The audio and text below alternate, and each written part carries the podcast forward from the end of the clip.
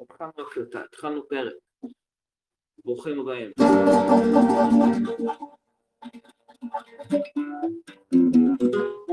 אז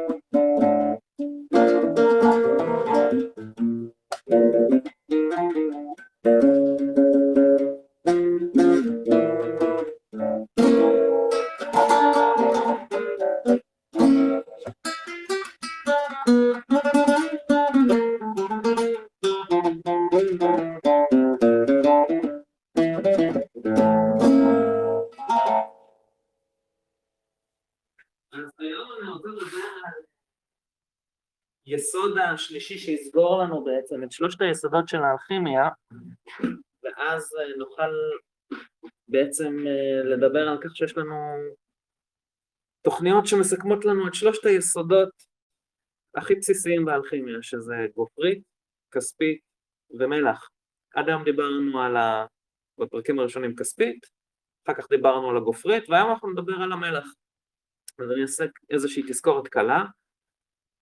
אה, כדי להבין את ההבדל בין אה, כספית לגופרית, אה, צריך לראות אותם באיזושהי הפרדה נורא בסיסית ששרדה לאורך השנים, שהתחילה לקבל יותר ביסוס באלכימיה כשהגיעה לידיים של הערבים, כאשר הערבים בתקופה של האסלאם הראשונה בתקופה הראשונה של האסלאם בעצם התחילו לקחת לעצמם את הידע של העולם הקלאסי מהעולם ההלניסטי ולבנות על גביו אה, עוד ועוד ועוד אה, בעצם אה, ספריות ולהרחיב את הידע ואת ההשכלה, אז בעולם האלכימיה הם עשו את ההפרדה בין כספית לגופרית שלימים לאחר מכן משהו כמו במאה ה-17, 16-17 כזה, נוסף עוד יסוד שהוא המלח. אבל עד אז בעצם הכספית והגופרית היו משהו כמו שתי יסודות אה, או מנוגדים או משלימים, גדול כותבים, הם ייצגו שני אה, יסודות שונים, בסיסיים, כאשר הגופרית נחשב, אה, כן, בעולם, בעולם הקלאסי הזה, בעולם ההרמטי שבו מקבילים כל כך הרבה רבדים של הקיום אחד לשני, הגופרית היה נחשב כוח זכרי יותר, הכספית כוח נקבי יותר, הגופרית כוח של השמש, הכספית כוח של הירח, אבל בגדול מה שזה אמר זה הבחנה בין ריבוי לאחדות. הכספית היא בעולם של הריבוי, היא בעצם העולם של הפוטנציאל, בעצם הכוח של, ה, של הירח בעצם לשלוט על בעצם התנודות והגאות והשפל של הים. הים שמשתנה כל הזמן, והשמש בעצם, הגופרית, היא בעצם הכוח שמסוגל לתת אחדות לדברים, לתת להם איזושהי צורה, לתפוס איזושהי אחדות בתוך, ה, בתוך הריבוי. אמ, ובתוך העולם של הכימיה, כשנכנסים בעצם מה החומרים האלה, מה היסודות האלה מסמלים בתוך האלכימיה, אז, אז ב... הכספית היא ייצגה יותר בעצם את היסודות ה... של הרטיבות, של הלחות, של האוויר, של העשן, ובמובן הזה, במובן הגבוה שלו, הכספית יוצגה על ידי הנחש שאוכל את הזנב של עצמו, גם בגלל התזזיתיות של הנחש, שתוארה לא פעם ככך ש... כאילו הזנב עוקב אחרי הראש ולכן יש את התזזיתיות הזאת, אבל גם במובן הזה שכאשר העדים עולים מעלה מהצלוחית שבה מזקקים חומרים, אה, אחר כך הופכים לאיזשהו אה, טל, או מטפטפים מטה חזרה לאיפה שהם התחילו ולכן הם עובדים במין מעגליות כזאת כמו הנחש שבולע את הזנב של עצמו. לעומת זאת הגופרית היא הייתה בעצם הפניקס שנשרף באפר של עצמו, ואתם יכולים לראות שבעצם צריכים לחשוב על זה במובן שפעם היו משתמשים במפוח כדי להוציא אוויר שמגדיל ונותן יותר כוח לאש כל הזמן לגדול ולחמם את הצלוחית, וכל הזמן שנגיד היו אה, משתמשים באיזה שהם מניפות או שנושפים, אז בעצם האש מתחת לצלוחית הייתה הייתה גדלה, הייתה בעצם מתעצמת, היא הייתה בעצם מתלקחת מסביב. כמו, ואז בעצם זה היה נראה, התת מודע שלהם השליך על זה שזה נראה כמו הפיניקס כזה שקם לתחייה מהעפר של עצמו. וזה שני התהליכים האלה ביחד הם היו בעצם שני חלקים, שתי יסודות קוטביים שונים שמזקקים את החומר באיזשהו תהליך אה, מחזורי מעגלי, שאפשר אפילו להגיד אולי כמעט אה, אינסופי, כן? אבל אז עולה השאלה מה, מה זה המלח. והמלח הוא נוסף תקופה מאוחרת על ידי אה, בחור בשם אה, תאופרסטוס בומבסטוס פון הוהנהיים, שזה שם ארוך למישהו שהשם כינוי שלו, השם המקוצר היה פרצלסוס. פרצלסוס היה בעצם אחד מאבות הרפואה והפארמה המודרניים, כי הוא אה, הגיע למצב שבו הוא מזקק אה, לא, כל, לא סתם חומרים, אלא ממש תרופות, ומצליח לייצר אה, שילובים וסוגים חדשים של תרופות שלא היה קיימים אז, כי הוא לא רק זיקק אותם, הוא לא רק זיקק חומרים לצורך העניין עשבים או דברים כאלה, הוא גם כן הוסיף דברים אה, בעולמות המתכות והמינרלים שהוא הכיר, שנתנו איכויות חדשות ויכולות לחבר איכויות שונות של חומרים לתוצר חדש של, של תרופה שהוא היה יוצר. הוא בעצם האדם שהכניס לתוך עולם התרופות ולעולם הרפואה את האמפיריקה, את העבודה המסודרת במעבדה דרך מדידות שדרכם אתה יכול ללמוד על מחלות וליצור להן תרופות מסוימות וללמוד איזה תרופות אה, הן אה, עובדות ואיזה לא, והוא השפיע הרבה מאוד על אה, אגודת הרוזקרושנס, אגודת אה, צלב הוורד שרבים מכם שאלתם עליה, אגודה שהייתה מאוד ידועה אז אה, של אלכימאים בין היתר, שלימים נראה שאחד הגלגולים היותר מודרניים שלהם במאה ה-18 היו בעצם הבונים החופשיים. לכל הפחות היו, היו השפעות רבות, בטח שדרך אה, מה שנקרא אה, המכון האנגלי למדע, משהו כזה, The, the Royal Institute of Science, אם אני לא טועה, ככה הוא נקרא.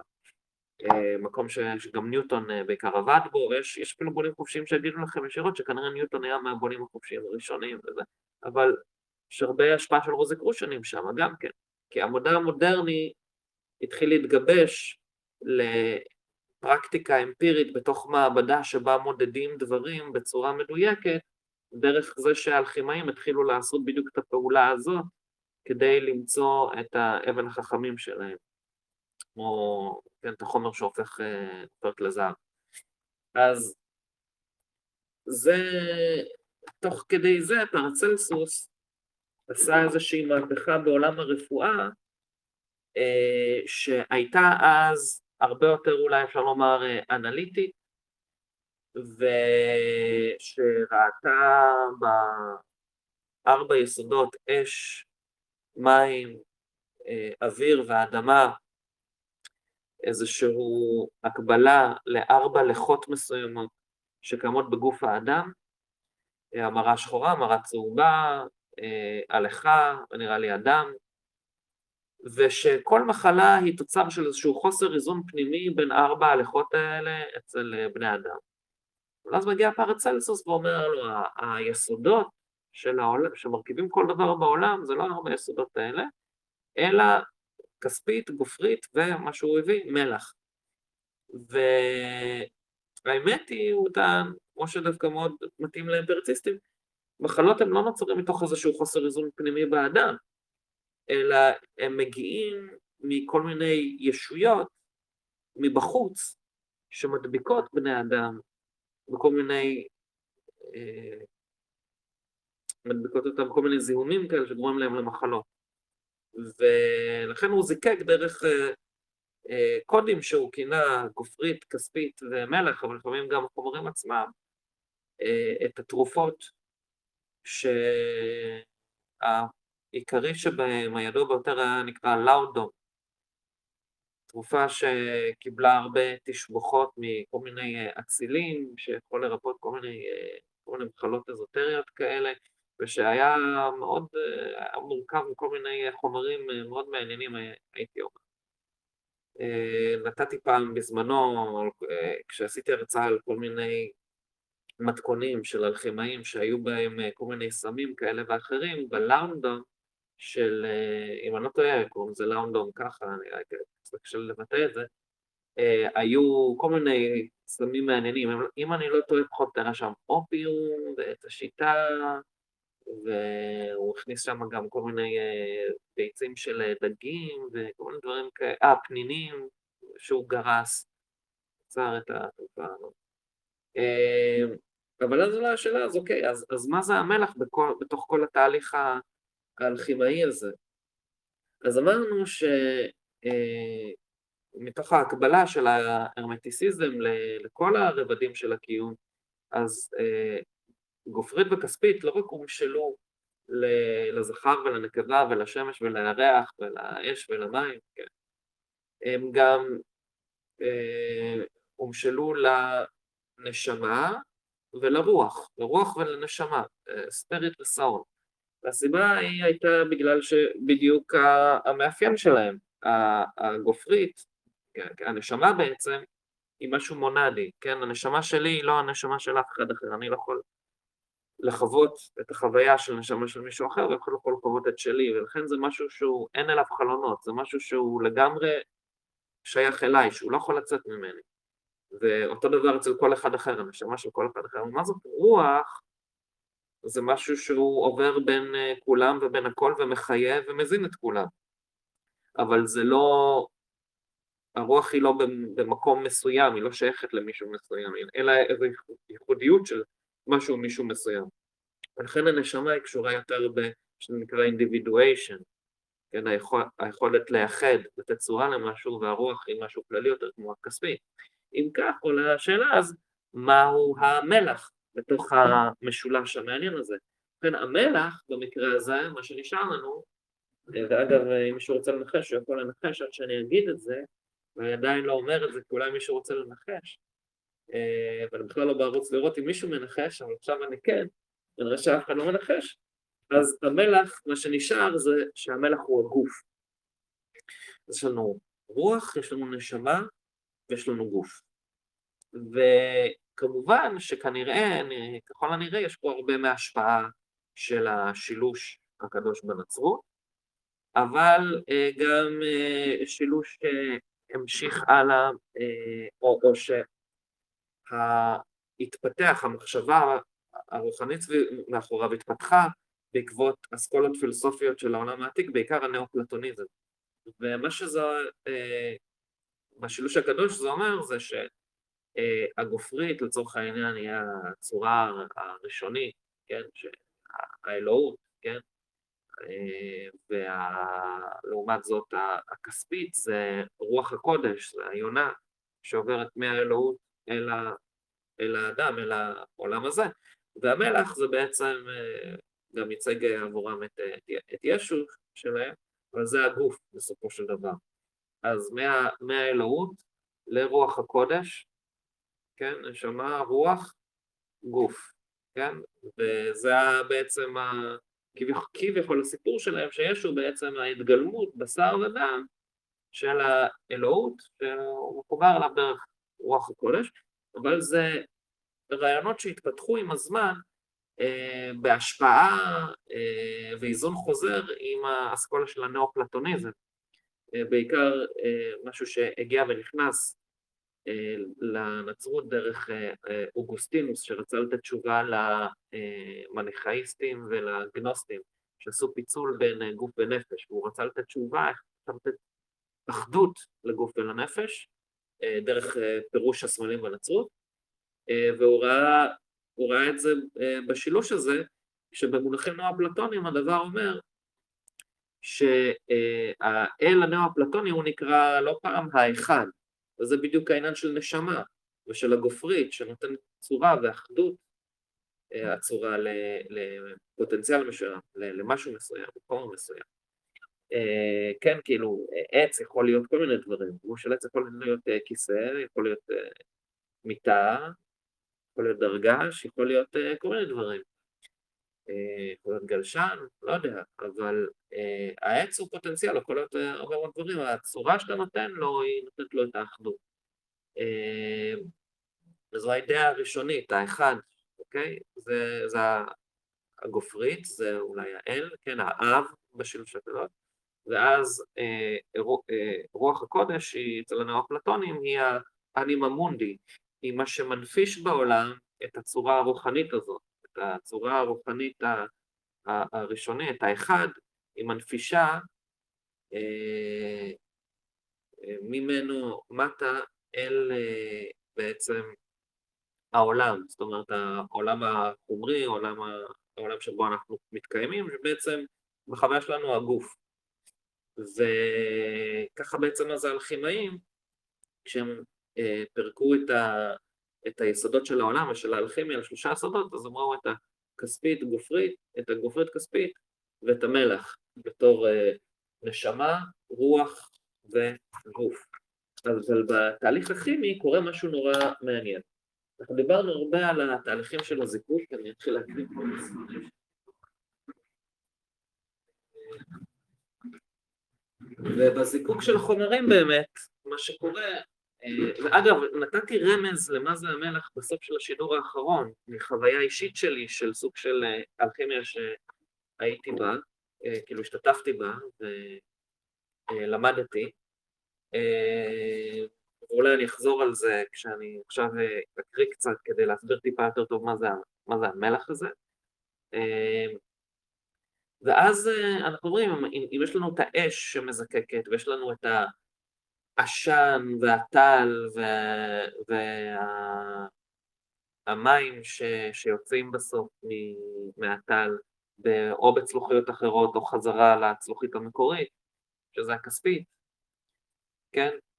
ותחשבו על זה, כאילו האש אה, היא, היא, היא חוצבת אה, פנימה אל תוך כאילו הצורה הראשונית של החומר שנמצא בצלוחית. היא מסננת אותו, היא מרדדת אותו עד, ל... עד ממש, כאילו, אה, אה, כאילו נפטרת מכל מה שמורכב על הצורה הראשונית שבחומר, מכל התוצרי לוואי שיוצאים אחר כך מהחומר בצלוחיות אחרות, לאט לאט האש מזקקת, לכן האש, עיקרון של האש, של השמש, הסולארי, היכולת לתת צורה למשהו זה, זה בגופרית. אה, והכספית זה, זה העשן והטל שהם הרבה יותר תזזיתיים ונעים ולא נתונים למקום אחד והם יוצאים, כל התרכובות השונים מהחומר. והחומר באמצע זה בעצם הגוף שאיתו בעצם עובדים, זה בעצם המלח, אבל יש משהו נורא מעניין במלח, אז זה לא רק שהמלח התפיסה של ההרמטיסיזם והאלכימיה היא לא תפיסה אגנוסטית שבאה ואז אה, רואה במלח ובגוף בעצם איזשהו אה, דבר, אה, החטא הקדמון הנוצרי לצורך העניין.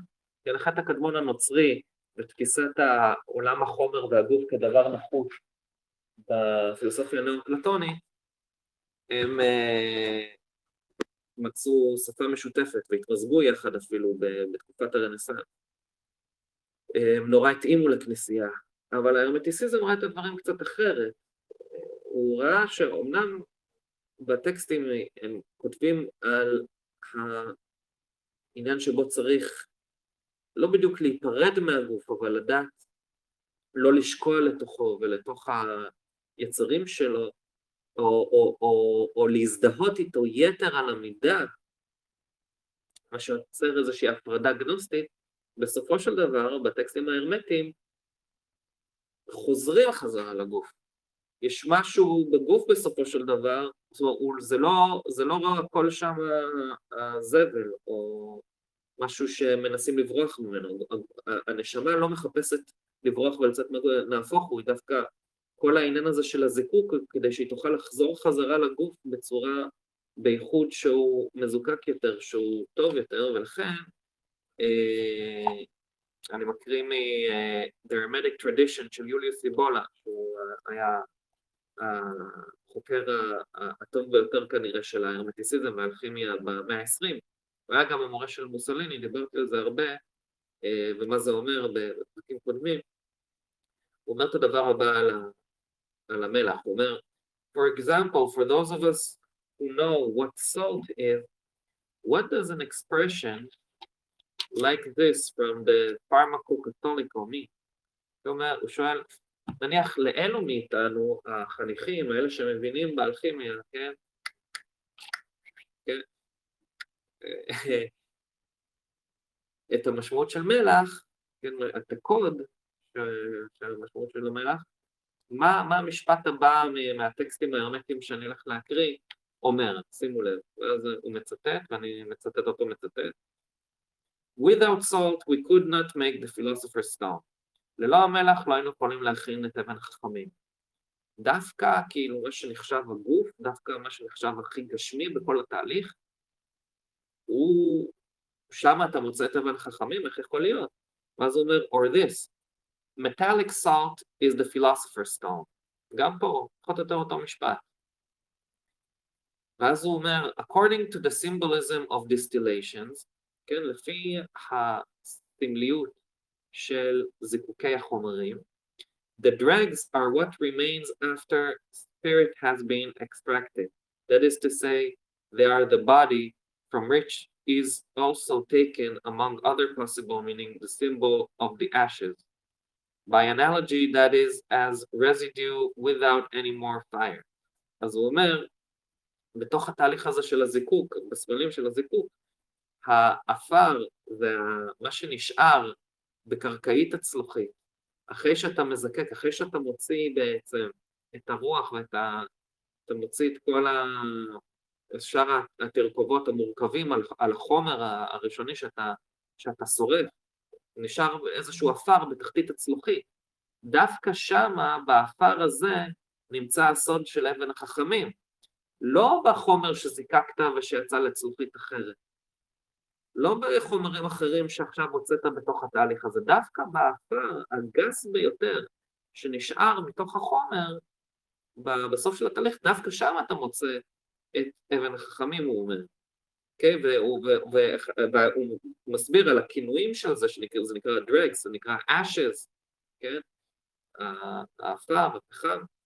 אה, ואז הוא אומר, but the surprising thing is that dregs, ashes and remains, כן, השאריות, alike are valued as something precious that the son of the art must guard against underestimating and throwing away, because it is precisely from them it is declared that gold is made. Or rather, the ashes are the gold, the true gold, not the vulgar gold, but the philosopher's gold. אז הוא אומר, זה, זה, וזה מדהים בעיניי, זאת אומרת, מי היה חושב, אוקיי, שדווקא בשאריות שיש שיגידו הסכלה של, של כל מה שזיקקת בסוף, שנמצא בתחתית הצלוחית. החניך של האלכימיה אומר צריך לשמור על עצמו ולהיזהר, לא לזרוק את זה, לא להיפטר מזה, אלא לשים לב כי דווקא שמה אתה מוצא בעצם את הזהב האמיתי, ולא הזהב החומרי, אלא הזהב של הפילוסופיה, מה שאתם מחפשים בסופו של דבר.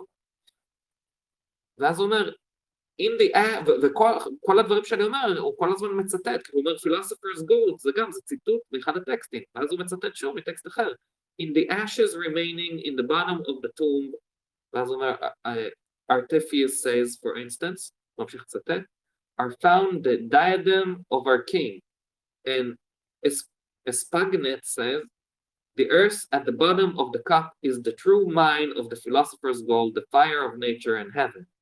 הוא נותן ציטוטים שפשוט אומרים את אותו דבר כל הזמן, ציטוטים יפים דווקא. Zosimus ascribes to the residue of the burnt matters, the dross, the ציטוט power of everything, and adds, ציטוט, know that the ashes constitute all the mystery, which is why the ancients speak of the black lead, which is the basis of substance.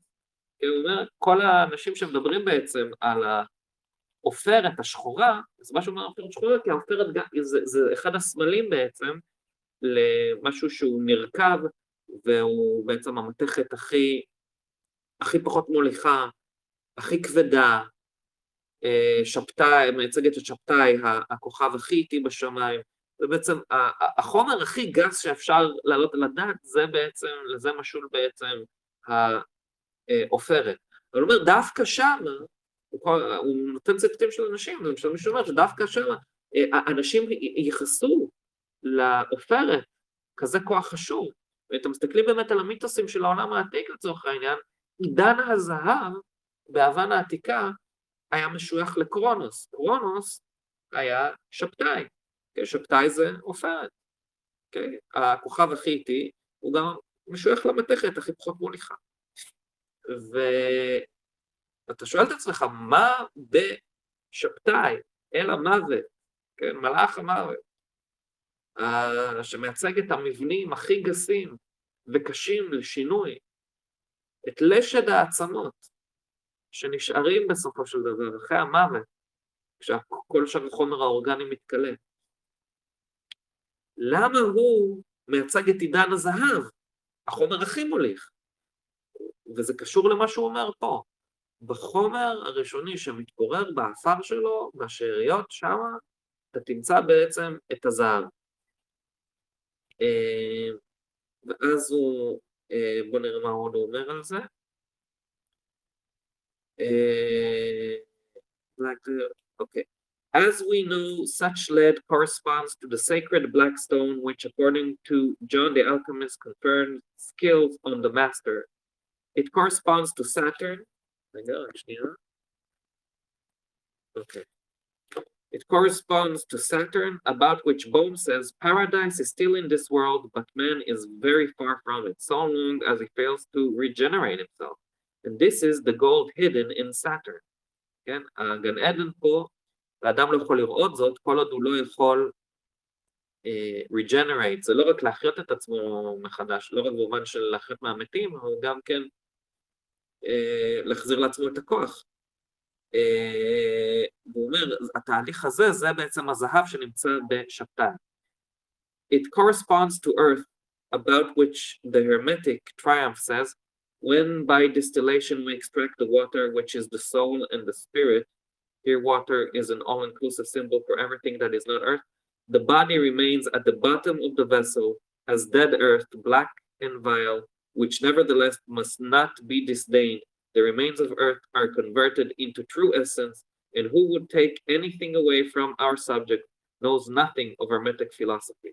אז זה מדהים, זה פשוט חוזר על עצמו עוד ועוד מכל מיני ציטוטים, להראות שזה באמת מסורת אלכימאית, מסורת של הרמטיסיזם. בקרקעית הצלוחית, יש לך החומר הגס ביותר, האפר שלו, שם נמצא הזהב. כמו שתור הזהב של היוונים משוייך לשבתאי, לקרונוס בעצם, שבתאי, החומר הראשוני, העופרת. בואו נראה אם יש פה משהו שהוא מחדש לנו. The power of Telesma is not complete if it is not converted into earth. We might also recall on Olympiodorus, drags and ashes are the oracle revealed by the demons in the book of El Habir. The redness, which is the final stage of the process equivalent to sun and sulfur, neither appear nor seem to exist outside this precious cinder. and so on. קיצר, כן, חוזר חוזר על אותו דבר. מה עוד הוא אומר פה שיכול להיות? Uh, uh,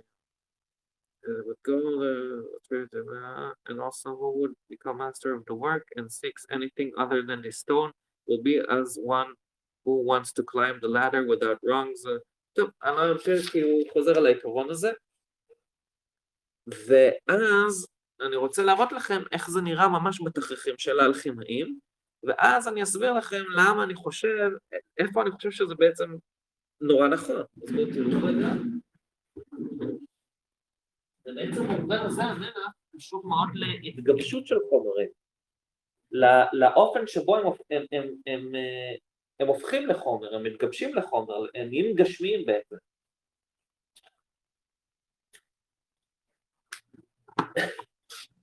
אז בואו נראה לכם כמה תמונות של זה, אלכימאים. או, הנה, אז בואו נתחיל, אתם יכולים לראות, אני מקווה שאני לא אסתיר את זה. The stone that Saturn devoured, spewed out instead of Jupiter, his son, is placed on Mount Helicon as a reminder to man. אתם יכולים לראות למעלה את שבתאי, האל שבתאי עם החרמש שלו, כן? אה, שהוא היה קוצר בעצם את התבואה אה, ומייצג את עידן הזהב, ואתם יכולים לראות אותו מקיא את האבן אה, על פסגת ההר, זאת האבן שנתנו לו לאכול כי הוא בלע את הילדים שלו והוא רצה לאכול גם את יופיטר בעצם, את זהוס, נתנו לו במקום זאת אבן שהוא הקיא החוצה, וזה בעצם מקביל בעצם לחומר הראשוני שהופך גם כן, האבן הזאת היא, היא, היא עוד סמל בעצם לאותו, לאותם שאריות שנמצאים בתמצית בקרקעית הצלוחית. בואו נראה מה הם אומרים פה. Uh, according to the Greek myth, Cronus Saturn castrated his father Uranus with a sickle and thereafter became the ruler of the golden age, זה מה שאמרנו עליו, שהוא, כן, על עידן הזהב. But as it has been prophesied to him that one of his children would dethrone him, he always devoured them immediately after his birth, their birth. תמיד היה אוכל את כל, כל הילדים שלו כי הוא קיבל נבואה שאחד הילדים החליף אותו, שזה בסוף היה זהוס, מלך האולימפוס. But his wife Rhea hid this third son Jupiter from him and in his place gave him the stone which he later vomited up after Jupiter and mixed salt and mustard with his drink. כן? הם, ערבבו לו את, את זה, את השתייה שלו עם מלח ועם חרדל, נורא מעניין. בספר גרגנטואר פנטגרואל, ספר קומי של אלכימאי בשם פרנסואה רבלה, אחד ה... באופן פרודי שהוא מתאר את, את הגביע הקדוש, הוא מתאר את זה כ, כאיזה חזיר שמוריד למטה חרדל עבור שבירת הצום, המדרי גרף, לגיבורים של הסיפור, מכנה את החרדל סוג של איזשהו כזה גרל, אבל זה בגלל שהזהב עצמו, למה מדובר פה גם בזהב? כי אחרי שאתם שרופים הכל הכל הכל ונשאר איזשהו משהו בקרקעית, אז גם הזהב נחשב משהו שאתה לא יכול בסופו של דבר לכלות או להרוס. וזה החומר שניסו להגיע אליו, הזהב. בסופו של דבר החומר שאתה לא יכול לכלות ולהרוס מתוך החומר הראשוני שזיקקת וזיקקת דווקא הוא זה שהכי מעניין אותך, כי דווקא הוא דומה יותר באיכותו לזהב, הוא לא מתכלה כמו שאר החומרים שהוצאת ממנו, שהוא מורכב מהם. Uh, that the stone was chemical, זהו, ואז כן, התפיסה של האבן כמשהו כימי, הגיעו אלכימאים אחרי זה, כמו מייקל מאייר ואחרים, ופרשו את הדברים ככה. אז זה בתור התחלה, איך שהאלכימאים ראו בשבתאי ובאבן הזאת את, ה, את, ה, את המקום שבו גלוי בעצם הזהב. אז הנה, עכשיו, in the grave comes, אוקיי, אז נניח באחד ה... פה, ב... ב... אתם רואים קבר, בתוך הקבר קורה התהליך הראשון, הם, הם, הם חילקו לשלושה חלקים עיקריים את תהליך אלכימאי, ניגרדו, אלבדו, רובדו, הניגרדו הראשון זה התפרקות החומר, זה putrefaction, זה הריקבון שלו, אלה החומרים הראשונים, אלבדו זה הזיקוק שלו, והרובדו זה הוצאת האבן החכמים מהתהליך. אז פה כאילו הקבר הוא במובן מהצלוחית, ושם קורה הריקבון. ואז מתחת כתוב, after pulling down the result of putrefaction, כן. אחרי זה, אחרי ה... שאתה מצנן את התהליך הריקבון של כל מה שקרה, אתם רואים שעל הקבר כתוב אה, לס, שזה בעצם אה, סוג של אנגרמה לסל, שזה קיצור לסולט, אה, מלח, אבל הסולט, איך הוא מיוצג? בתור העצמות. באמת, יש לנו מינרל מלח שממנו אה, בעצם עשויים הרבה מהעצמות. זאת אומרת, העצמות, וחלק ניכר מהם, הם, יש בהם בעצם מינרל של, של מלח שמרכיב אותם, ושנותן להם בעצם את, ה, את הגשמיות שלהם, את זה שהם כל כך גבישיים, זאת אומרת שהם גם, בניגוד לשאר החומרים האורגניים שמתכלים בקבר, הם נשארים, וזה ממש בעצם, אה, עכשיו אתם מבינים, זאת אומרת, את הסמל הזה, הנה, למשל פה, the bones are taking out, הוא מוציא את המלח מהצלוחית, הוא מוציא את החומר הזה כדי להשתמש בו הלאה. אתם מבינים? זאת אומרת, העצמות כסמל עבור האלכימאים ייצגו בעצם את החומר שנשאר בקרקעית הצלוחית. עכשיו למה זה, והסברתי לכם למה זה גם משול לזהב, כי יש בו את האיכות של זהב, שכמו הזהב הוא לא, הוא לא מתקלק כמו שאר החומרים. אוקיי, אני אראה לכם עוד משהו ותכף אני אסביר לכם למה באמת יש פה הרבה היגיון, זאת אומרת, מה, מה, איך משתמשים בזה אחר כך, מה, מה הדוגמה, איזה דוגמה אפשר מחיי היומיון לצורך העניין להתאים לכך. אז פה אני רק אה, אקריא רגע את מה שכתוב ליד התמונה ואז אני אראה לכם. Here the English Rosicrucian Thomas Vaughan, אוקיי, זה תכריך של רוזיקרושן אה, בריטי, tells of his encounter with Thalia, the personification of blossoming nature. הוא נתקל בביטוי של הטבע הפורה, הטבע, כן, בצמיחתו. After a violent lament, lament at her rape by the laboratory chemist, she leads him to the philosophical lunar mountain of salt, from which the Nile of the spermatic prima materia springs. תכף אני אסביר לכם הכל. Uh, the darkness of the region represents the incorrect Aristotelian doctrine in which one wanders around until one discovers the invisible divine light of nature in the Sal alkali. Uh, the green dragon in the philosopher's Mercury, whose treasure can only be found by those who are purest children. Okay. עכשיו תראו איזה יופי.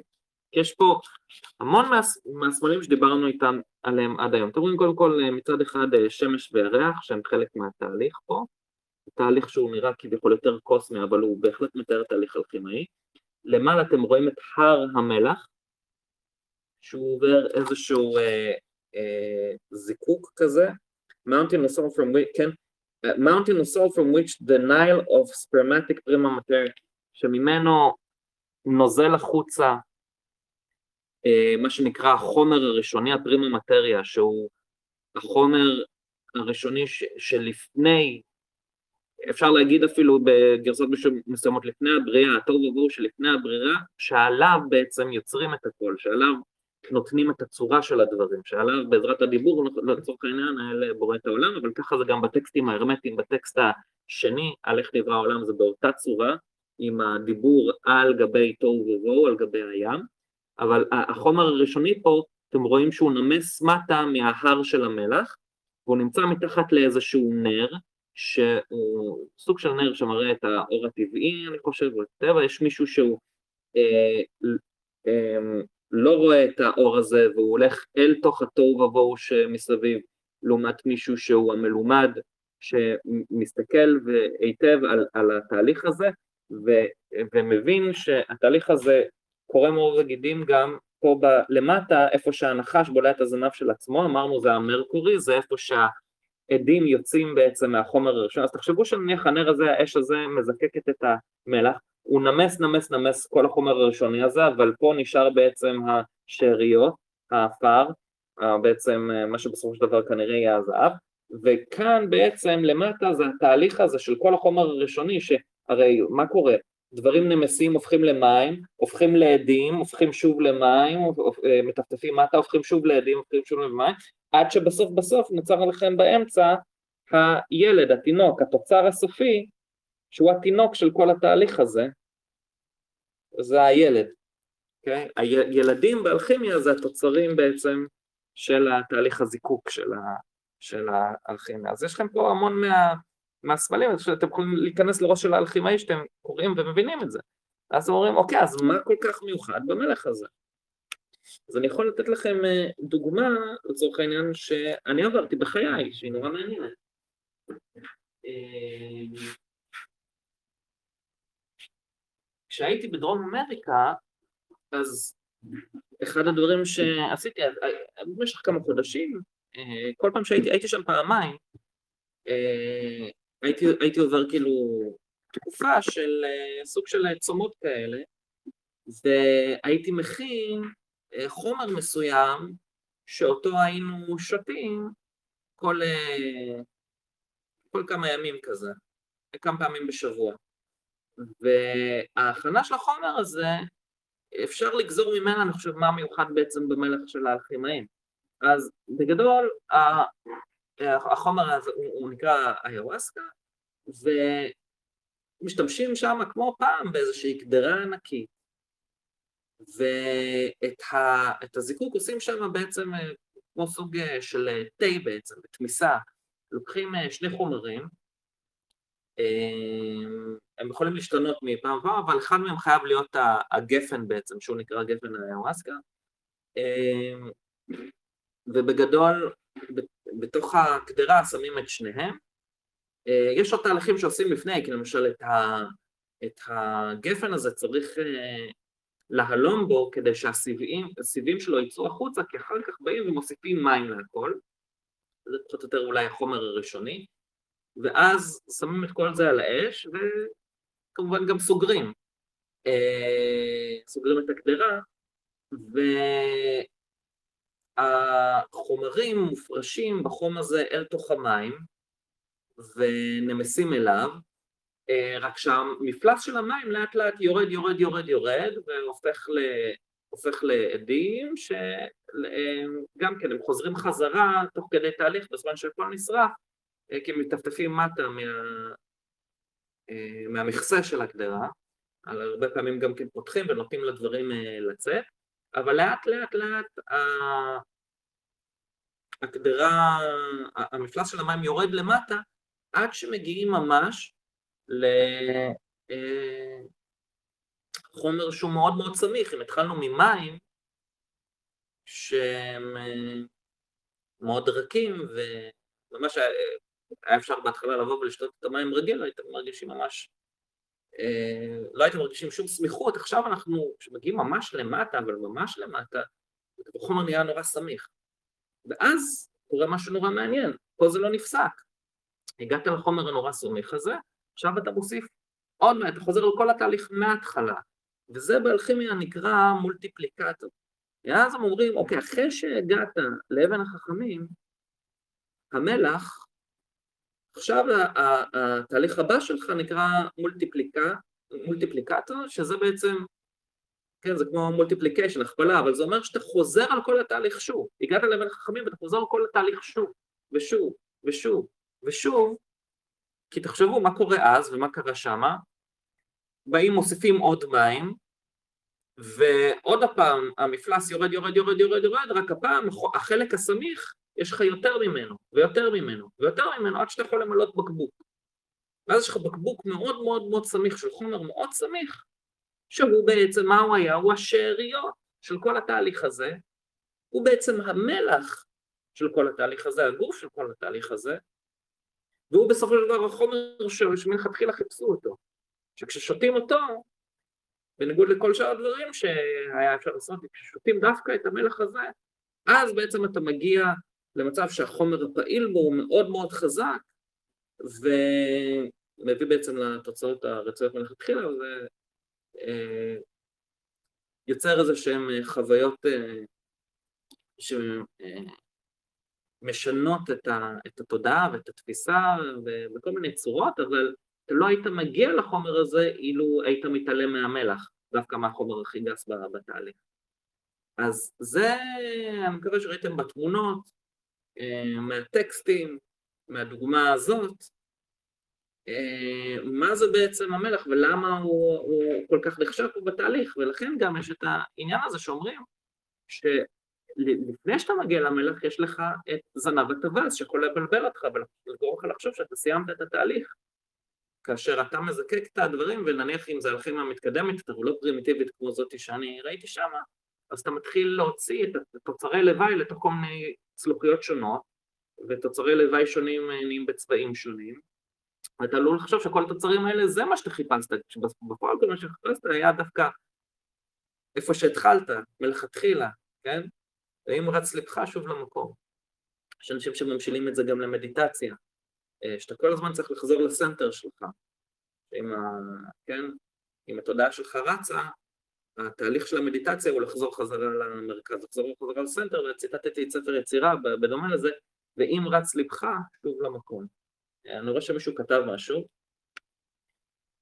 ברק, האם הכוונה באפר שנשאר זה בעצם תיאור ל apophatic inquiry או תיאולוגיה שלילית שמנסים למצוא את האמת על ידי כך שנפטרים מכל מה שהוא שקר, לדוגמת טיהור מים מלוכלכים מכל הלכלוך שקר, עד שנותנים, נותרים רק מים נקיים. כן, תראה, אז, אז התהליך האלכימי אצל האלכימאים בעצם וברנסאנס, ובעצם התפיסה של ההרמטיסיזם, וזה מה שעכשיו יפה בתפיסה של ההרמטיסיזם, הכל קשור בהכל. תהליך אלכימי שעובר הוא גם תהליך תודעתי שעובר, הוא גם תהליך רוחני, הוא גם תהליך דתי.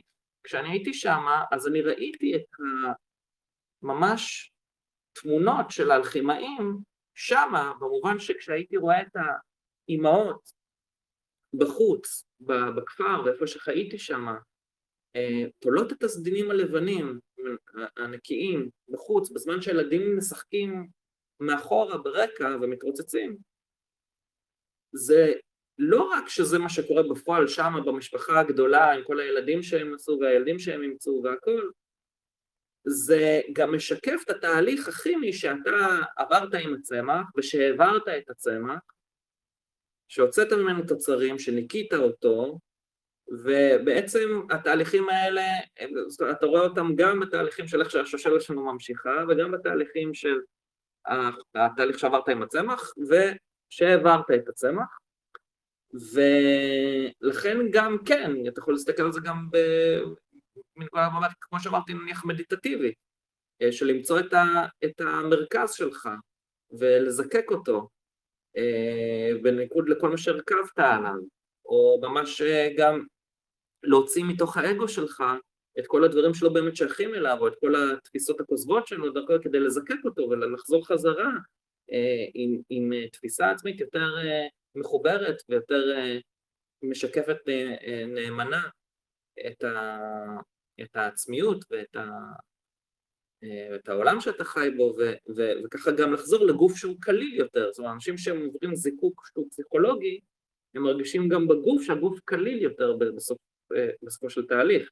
אנשים נניח פוסט-טראומטיים, הלחצים שהם מרגישים באופן אוטומטי, שמשחזרים אירועים טראומטיים שקרו בעבר, ברגע שהם עוברים זיקוק, ברגע שהם מבינים, משלימים את הפערים בזיכרון ומבינים שהלחצים הם לא קשורים במה שקורה לך בפועל ברגעים מסוימים, אלא פשוט שחזור של אירועי עבר, הגוף נהיה יותר קל כתוצאה מכך, ולכן כל הדברים האלה הם מאוד מקבילים זה לזה, התהליכים הכימיים, התהליכים הפסיכולוגיים, התהליכים הדתיים, התהליכים הסומטיים אה, וכולי וכולי וכולי. ואז, כמו שאמרתי אז, אה, בפרקים קודמים, בתקופה שבה התפתח uh, הלקסיקון האלכימאי של הרנסאנס, uh, uh, גם התנועה הקבלית נהייתה יותר ויותר מוכרת וגדולה ונכנסה את המרכז הבמה, שכדי שהייתה התמזגות שבה שפכו מונחים אלכימאים אל תוך הקבלה והפוך, כדי להסביר אותם, וככה הגופרית והכספית הם היו אה, עמוד החסד מול עמוד הדין בעץ החיים, וככה המלח בעצם תופס את העמוד, עמוד המרכז, עמוד האמצע של אה, עץ החיים שמאזן בין שני הקוטביות, כן, של חוכמה ובינה, חסד ודין, נצח והון, okay, גופרית וכספית, ובאמצע המלח. ומה אה, שמעניין הוא שבאמת אני אצייר לכם רגע, הכספית נראית ככה, הגופ, הגופרית, סליחה, נראית ככה, המלח נראה ככה. כספית ציירתי לכם, סוג של מרקורי, אז יש לו את החצי שיער של הירח למעלה, זה בעצם אה, כמו הירח, אה, כוח נקבי יותר, זה הכספית, כן? אוויר, מים, אה, לחות, אש, חום, כל הדברים האלה זה הגופרית, משולש למעלה, לעומת משולש למטה שהוא הנקבי יותר, אני מקווה שלא צריך להסביר למה. אה, ופה באמצע זה המלח, הסמל של המלח היה עיגול עם קו באמצע. למה זה מעניין? עכשיו אני אקריא לכם מספר הזוהר משהו שהם אומרים על אה, המלח.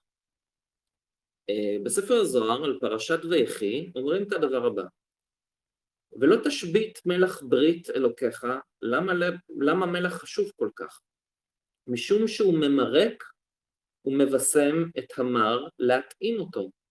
כי מלח, הדינים אשר במסך בחיריק, שעליו יוצא קו האמצעי, המאחד ימין ושמאל, והוא ממרק ומבשם וממתיק הדינים דשמאל, שהם מרים עם חסדים שבקו ימין.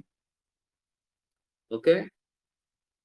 אז אם לצורך העניין הצד שמאל הוא משהו שהוא אה, מר מאוד, אז בעזרת המלח אתה יכול להפוך אותו למשהו נסבל שגורם לטעם שלו להיות יותר במרכז ולא יותר מדי בשמאל, להעביר אותו יותר לצד ימין, לעמוד החסד, וככה לכן הוא נמצא בקו האמצע. זה מעניין שהם אומרים, ולא תשבית מלח ברית אלוקיך, שברית זה בעצם עוד מילה בעצם לאיבר אה, היוצר, ושבעצם מספרת היסוד, שנמצאת גם כן באמצע, בקו האמצע של הדברים, ושם נמצא המלח. אה, ולכן באלכימיה נניח, אז, אז רואים בתחתית הזכוכית את הזכר והנקבה הם מזדווגים, כי האש מזדווג ביחד עם כל העשן וה, אה, והלחות שיוצאת מהחומר. ומההזדווגות הזאת בסוף, האחר שנוצר ושנשאר בסוף מכל התהליך הזה, זה המלך, זה הילד שנוצר מהזיווג הזה. עכשיו, ביחד עם הזוהר, הקבלה, זה נכנס גם לרעיונות של הזיווגים של כל הספירות, אחד עם השנייה, וכל קו האמצע גם נראה כמו הסמל של המלך של הארכימאים, עם קו האמצע, ממש, אוקיי? והם מסבירים את זה דרך הטעם, למה יש לזה איכות של קו האמצע, אוקיי? אה, זה שכתוב כי כאשר משפטיך לארץ צדק למדו יושבי תבל, משפט הוא תפארת קו אמצע שמח, שמחזה ולמעלה שהדינים שבמסך שבו נקראים מלח. צדק היא דינים אמרים שבמלכות, כשהמשפט מלח הוא לארץ, הנוקבה, אז צד, צדק למדו שיוכלו לקבל את המרירות שבצדק. וכן כתוב צדק ומשפטו מכון כיסך שהצדק נשלם על ידי המשפט, המלח. טוב, זה עדיין אותו, אותו עניין, איך אתה ממתיק אה, במקרה הזה את מה שנקרא הדינים, כן, המרירות שבדינים. הדין זה צד, עמוד שמאל, עמוד המריר כביכול, כן? ומלך הוא ברית, יסוד, כמו שאמרתי, הוא נמצא, איבר המין, היסוד, זה נמצא באמצע של עץ החיים, למטה, קו אמצעי שמחזה הוא למטה, שהעולם הנוקבה מתקיים עליו, שכתוב אם לא בריתי יומם ולילה, חוקות שמיים וארץ לא שמתי. ומשום שעליו יוצא קו האמצעי, יסוד נקרא מלך ברית אלוקיך, כי היסוד ברית וקוראים אנו ים המלח, שהים הנוקבה נקרא על שם המלח הממתק אותו. מעניין. כמו שכתוב כי צדיק השם צדקות אהב זהו מלח יסוד בים מלכות כי צדיק הוא יסוד צדקות הוא מלכות ומי שמפריד אותם גורם לעצמו מיתה ועל כן כתוב לא תשבית מלח מעל מנחתך שלא תפריד את יסוד המלח מעל המנחה הנוקבה וזה בלא זה אינה מות. בסדר. אה, עכשיו אני אקריא לכם במובן הזה אז טקסט שהוא בעיניי מאוד הרמטי, וזה כה אמר זרטוסטרה של ניטשה, שלקראת ההערה שהוא מקבל בסוף חלק שלוש, הוא עובר uh, כמה שלבים, נגיד אותו איזה שם שבע, שבאחד מהם הוא מתאר את הדבר הבא, באיזושהי הערה שיש לו. אם גמעתי אי פעם במלוא הלגימה מזה כד המזג המתובל ומקציף, אשר כל הדברים מזוגים בו יפה. זה נשמע כמו הצלוחית של האלכימאים, לצורך העניין. אם יצקה ידי אי פעם את הרחוק ביותר לקרוב ביותר, אש לרוח, חדווה לדווי, ואת הגרוע מכל לחסד רב. אם אני עצמי גרגיר מגרגירי אותו מלך גואל, שבזכותו הדברים כולם נמזגים יפה בכד המזג. כי אכן מצוי המלך המחבר את הטוב עם הרע, ואף הרע ביותר ראוי וטוב הוא לשמש תבלין וקצב עובר על גדותיו. ופה אנחנו נכנסים לתפיסה של ניטשה של הרצון לעוצמה, שהיא מתעסקת יותר בעולם האתיקה והמוסר, ומנסה להבין לעומק מה זה טוב ורע בעצם, ומאיפה הם מגיעים, ולכן יש לו כל מיני משפטים מעניינים כאלה. עכשיו, אם, אם המלח נמצא בקו האמצע, האיזון שמחפשים, הוא נמצא בקו האמצע שבין צד שמאל לימין, בין הטוב והרע. אז אנחנו לא נמצאים פה באיזושהי תפיסה גנוסטית של מאבק מתמד בין טוב ורע שנמצאים, ש, שמתקיימים כל אחד בממלכה משל עצמו ויוצרים איזשהו פיצול קוטבי בנפש האדם שהוא או מנסה לברוח מהגוף רק לעולם הנשמה ורואה כמו הנוצרים, הרבה מהנוצרים בכל דבר שקשור בגוף איזשהו חטא קדמון שהוא צריך לדחות, ומה שיוצר כל מיני תסביכים פסיכולוגיים בסופו של דבר, אה, והדחקות קשות, לעומת אנשים שאולי יהיו יותר הדוניסטים וידחו אולי את, ה, את הרוח, ואז יהיו חומריים מדי ורק יחיו מהיום להיום באיזשהו שוק של הדוניזם כזה, נהנתנות. אה, יש בעצם ניסיון עם קו האמצע הזה בעצם למצוא איזשהו איזון, אה, שאיזון פה, אה, כשניצה מתאר שהרע צריך ויכול להפוך בעצם לתבלין, שכן בואו אני, אני אקריא את זה רגע, ככן מצוי המלח המחבר את הטוב עם הרע, ואף הרע ביותר ראוי וטוב הוא לשמש תבלין וקצב עובר על גדותיו. קצב עובר על גדותיו זה כמו בים, כשאתם רואים את הקצב של הים, באמת אה, ונוס שנאמר אה, שהיא נולדה מהקצב על אה, גבי הים.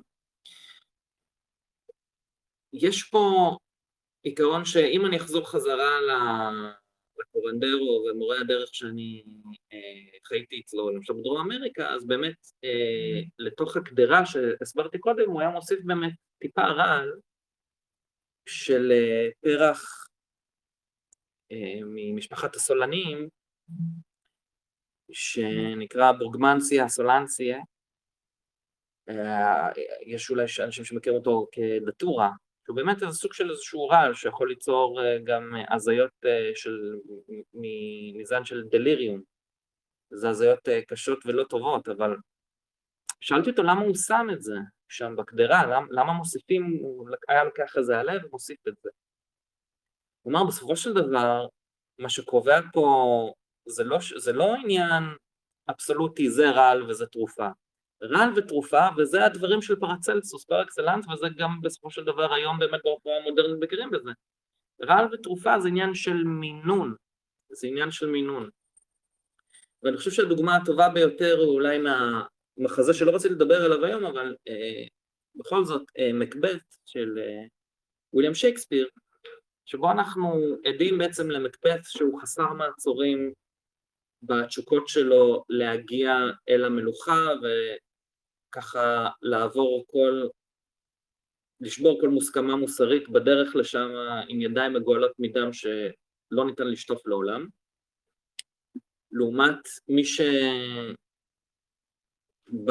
בסופו של דבר לעצור אותו, אה, מקדף, שיצר הנקמה אצלו והיצרים ההרסניים אצלו הגיעו רמה כל כך גבוהה, שאז אה, נניח במחזות אחרות, כשמישהו מגיע למצב של קנאה או של יצר נקמה, בעיקר נקמה, כל כך גדולים, אז נניח במחזה אותלו הלב הופך לאבן, כן? אז עם, עם, ה, עם האש, הנקמה, היצריות הזאת, הגופרית שבאתם, אה, אותלו במחזה, הוא במחזה אופטל או מחזה אחר, הוא, הוא אפילו מזכיר את זה, ש, שהוא מרגיש את, ה, את הגופרית שבו, את הדם המבעבע ברצון שלו לנקמה. אני מציע אגב לקרוא לאנשים, לקרוא על המחזות או את המחזה, באמת זה מחזות uh, מדהימים, שיש הרבה, יש בהם הרבה בעיניי, וזה מגיע למצב עד כדי כך ש, שמישהי שהוא אהב, דסדמונה, פתאום הוא אומר, הלב שלי נהיה אבן, אלא הוא מסוגל כבר לפגוע בה. והמצב הזה של עודף גופרי, הוא מתואר בתורה ב, אה, בחטא של אה, סדום ועמורה, שאלוהים משמיד בעזרת אש וגופרית, הוא אפילו אומר באותלו, אש וגופרית, כשהוא כשהוא אומר שהמחזה שהוא רואה מול העיניים שלו, הוא כל כך נתפס אליו, שהוא לא מסוגל יותר לעצור, הוא, הוא, אין שום מעצור בלב שלו, או מוסכמה שתוכל לעצור אותו עכשיו מלפעול החוצה את הנקמה, וכמו שאשתו של אשת לוט, כמו אש, שאשת לוט, אשתו של לוט, הופכת לאבן, כשהיא מסתכלת אחורה לראות מה קורה שם, ככה הלב שלו הופך לאבן, אבל האבן אצל מקבף, עבור מקדף, היא מקבלת את הפן החיובי, ששם, כן, אם הרע משמש לתבלין, כשיש אצלו את יצר הנקמה זה אחרי מה שמקבף עשה לו, שהוא הרג את אשתו והילדים, אז אומר לו, אה, אומר לו מי שאמור להיות המלך אחר כך אה, אה, בעתיד, מלכום, אומר לו, תש, תשתמש בזה, תיקח את, ה, תיקח את האבן הזאת, שהיא תהיה האבן שמשייפת את החרב שלך. והחרב זה מה שאתה מכוון למטרה שלך, שבמקרה הזה המטרה שלה הייתה מקבט, לעצור אותו ולהציל את הממלכה.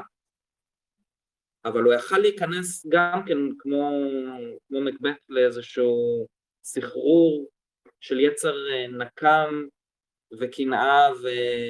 ודם ורצח שהוא בלתי נגמר, ובמקום זה היצר הרע הזה, הוא אומר לו אל תדחה אותו, תשתמש בו בתור האבן שאיתה אתה משייף את החרב שלך, שתהיה מכוונת למקום הנכון. ובעצם זה בעצם האפקט של המלח, אם אנחנו הזכרנו שהאבן זה עוד סמל של בעצם מה שהמלח, אה, שהאבן גם מסמלת את המלח, מה שהמלח מייצג. עכשיו, אפשר לעבור למחזה האחרון שאני רוצה להקריא ממנו, ואז אולי נסיים, שפה אני רוצה להכניס, וכבר התחלתי להכניס אותו, את בעצם שייקספיר. ואני רוצה לעשות כמה פרקים על מחזות שלו, הפעם אני לא אעבור על מחזה שלם, מההתחלה עד הסוף, להסביר את הרעיונות האלכימיים והעמוקים בתוכו, זה, נשאיר את זה לפרק אחר. הפעם אני אתן איזה שהם עקרונות שמנחים אותנו לפרקים אחר כך, כי אני חושב שהגענו לשלב שבו למדנו הרבה על העולם, על העולם העתיק ואיך הוא התפתח, הגענו לרנסאנס, התמקדנו הרבה ברנסאנס, ועכשיו אנחנו, כן, אחרי שהרנסאנס עבר מ...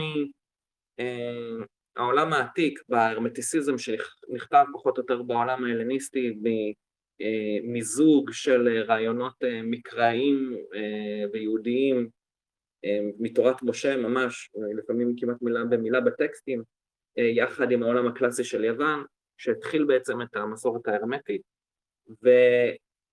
ונלקח אחר כך על ידי העולם הערבי בתור הזהב המוסלמי, יש שיגידו שהוא לא היה תור זהב, בטח שלא בכל מה סובלנות, אבל נשים את זה בצד, זה תור זהב בהתפתחות של המסורות האלה, ונלקח משם ואז עבר לאירופה דרך תיווך, בין היתר תיווך של היהודים לרנסאנס, אגב גם לערבים הוא הגיע מתיווך של יהודים מהעולם ההלניסטי, אמ, ואז ברנסאנס הגענו, זאת אומרת, כן, בעולם המוסלמי הגענו לפני זה לצפון אפריקה, מרוקו, המורים, לשם, לספרד, מספרד, ספרד פורטוגל, ואז הגענו לאיטליה, הרנסאנס הידוע. עכשיו אנחנו מגיעים למה קורה כשהרנסאנס מגיע לאנגליה, לבריטניה, מי בעצם מחזיקים את האור הזה, מי בעצם לוקחים את הגביע הקדוש משם, לפני זה אגב, לאנגליה אנחנו עוד מגיעים להולנד, ואז הולנד, צרפת, יש כל מיני, אבל מגיעים לאנגליה, קורה דבר גדול, כי אנגליה מגיעה להתפתחות ומפתחת את עולם הרוח והממשל ומגיעה לשיאים חדשים בכל התחומים האלה בערך בקפיצה שהיוונים עשו בזמנו, הרבה לפניהם בעולם העתיק. זאת אומרת, הבריטים פתאום עושים קפיצה עצומה בהתקדמות, בפיתוח רוח, הרוח האנושית, כמו שהיה אצל היוונים כשהרנסאנס מגיע אליהם, ושם אנחנו נפגשים כל מיני דמויות מעניינות, ביניהם, ככה מכירים את אה, ג'ון די, אה, פרנסיס בייקון, המעניין ביותר בעיניי, בגלל שאותי, אני חושב שיותר חשוב, בעיניי יותר חשוב האומנות, אה, וויליאם שייקספיר, שהיה גאון גדול בעצם של הצורות האלה. אה, ואז נשאלת השאלה, הכיצד אפשר לראות את הרעיונות האלכימיה מתגלמים בעצם במחזות שלו. וכדי להבין את זה אנחנו צריכים לחזור להתחלה של השידור, זה מה שאמרתי. כי הדמות המרכזית בעצם בתפיסת האלכימיה של שייקספיר במחזות שלו היא פרצלסוס. פרצלסוס מאוד השפיע בעצם על חצרות האצולה והמלוכה באנגליה. ובעצם, כמו שאמרתי, בעולם העתיק היה את האמונה בעצם שישנה, הכל מחולק לארבע יסודות, ושארבע היסודות האלה, מש, אה, כן, אש, אדמה, אוויר ומים, ושארבע היסודות האלה מקבילים לארבעת הלכות, מרה שחורה, מרה צהובה, לך ודם, ושכל חוסר איזון פנימי באדם של אותם, אה, של אותם אה, לכות, זה הגורם לכל חולי. אז מגיע פרצלסוס ואומר לו, לא, הדברים הם גופרית כספית, היסודות הם גופרית כספית ומלח, ומחלות נגרמות כתוצאה מסוכנים חיצוניים שהוא לפעמים אפילו מתאר אותם, את, או את הרוח שלהם, או את ה... ממש איך שהם נראים, אה, כמו כל מיני יצורים כאלה ואחרים, שמדביקים אותך, באמת כאילו זה מעניין, זאת אומרת אם בסופו של דבר מסתכלים על מחלות וחיידקים במיקרוסקופ, אז אתה רואה כל מיני יצורים באמת. אמ, ושהדרך להיפטר מהם זה, היו לו, היו כמה עקרונות, שקודם כל של דומה דוחה דומה, ושל אה, דרך הזיקוק של התרופות בתהליכים המקודם שהוא גילה. ושייקספיר בעצם במחזות שלו מראה את המעבר בחשיבה מהתפיסה של הרפואה של העולם העתיק שהייתה מיוחסת לגיילן, לתפיסת ארבעת הלכות וחוסר איזון פנימי, לבין התפיסה של פרצלסוס למחלות שבעצם מגיעות, מדביקות אותנו מבחוץ. וה... הייתי אולי אה, אה, אומר שפה בדיוק נכנס עקרון המלח במחזות של שייקספיר בצורה מאוד מעניינת, כי אה, לפי המודל של פרצלסוס, כן, שמחלה אינה נובעת מחוסר איזון, בלכות של הגוף, הגישה של גיילן, כבר במחזה שלו, קינג ליר, הוא מזכיר את שני את שני הרופאים האלה, שגלן הוא רופא של העולם העתיק, זה פרצלסוס של התקופה שלו יותר, והוא מזכיר בעצם את המחלוקת הזאת, שזו הייתה המחלוקת החמה ביותר בעצם, בכל החצרות של, של האצולה והאלכימאים, ובעצם ההבנה שמשהו פה משתנה. המדע האמפירי עכשיו מגיע גם לעולם הרפואה, במובן הזה.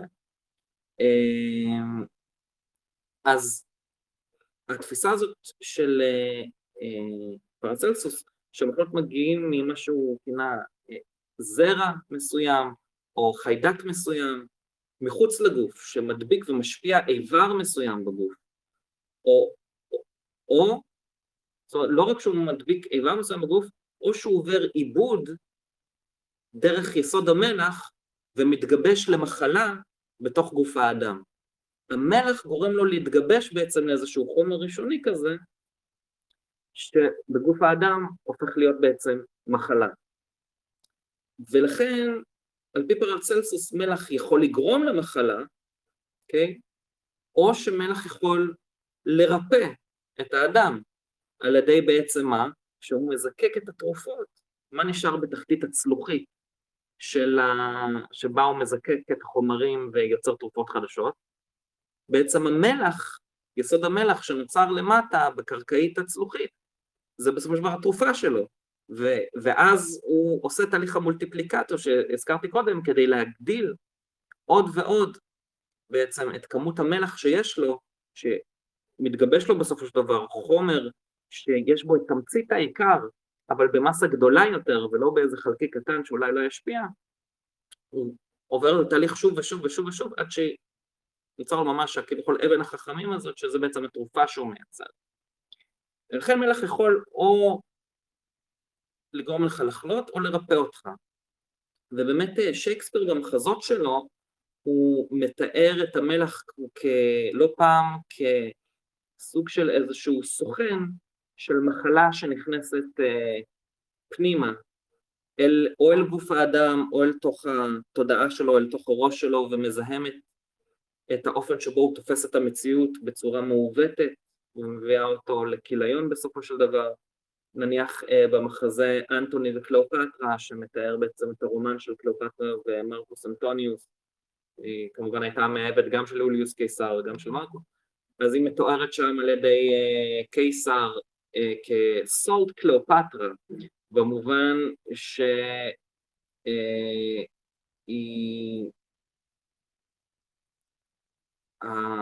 הסולט קליאופטרה, יש משהו שהוא מדבק בתשוקה שלה, שמביא לאיזשהו כיליון בטרם זמנו. אה, יש, אה, יש במחזה אחר שלו אה, טימון מאתונה,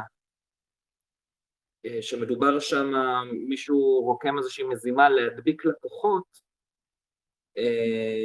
בבית זונות מסוים, בזמן שהן עסוקות במה שהוא כינה The Salt Hour, שעת המלח שלהם, שזה בעצם השעה שבו הן כאילו מרצות את הלקוחות, אבל שבשעה הזאת הוא רוצה שידביקו את הלקוחות ב... ובאמת המלח, אה, אפשר לראות שהוא נמצא ב, ביסוד פנימי של, של הדמויות שלו, והוא הוא, הוא מייצג באמת משהו שנמצא מתחת לציפית של, של כל האגו והתפיסה העצמית שלהם, מתחת להכל נמצא המלח של כל דמות. אז למשל אה, במחזה אופטלו של, של שייקספיר, יש, אה, יש רגע, בואו אני אקריא אולי, אה, מאיפה אני אקריא את זה? Uh, now sir this granted as it, אוקיי, okay. זה דמות שנקראת איאגו, איאגו הוא בעצם הדמות, אפשר להגיד אפילו הדמות הראשית במחזה הזה, אבל הוא האיש שנכנס פנימה להצגה ומזהם את התודעה של האנשים ואת המחשבות שלהם וגורם להם בעצם לאגו שלהם לקרוס ולהתפורר ולהביא אותם בסופו של דבר לאיזשהו שיגעון שנגמר באיזשהו ריקוד דמים אה, בסוף המחזה, והוא מדבר על דמות אחרת שהיא טובה יותר לצורך העניין, בשם קסיו, והוא מאשים את הקסיו הזה בכל מיני דברים שהוא כנראה, שום מן הסתם הוא לא עשה, כי יאגו הוא כזה בן אדם של תכסיסים, משהו שהוא אה, כנראה שאוב מהתפיסה של שייקספיר את הישועים, ו... את הישועים ומקיאוולי ביחד, מחברים אותם לדמות אחת, יוצא יאגו הזה. וכשהוא מדבר על קאסיו, הבחור הטוב, והוא מנסה להסביר לאנשים למה הוא חושב שהוא עושה, עושה את הדברים הרעים שהוא עושה, בגידות וכל מיני דברים כאלה, והם לא, לא יכולים לראות את זה, אז הוא מסביר את זה בצורה הבאה. Uh, uh,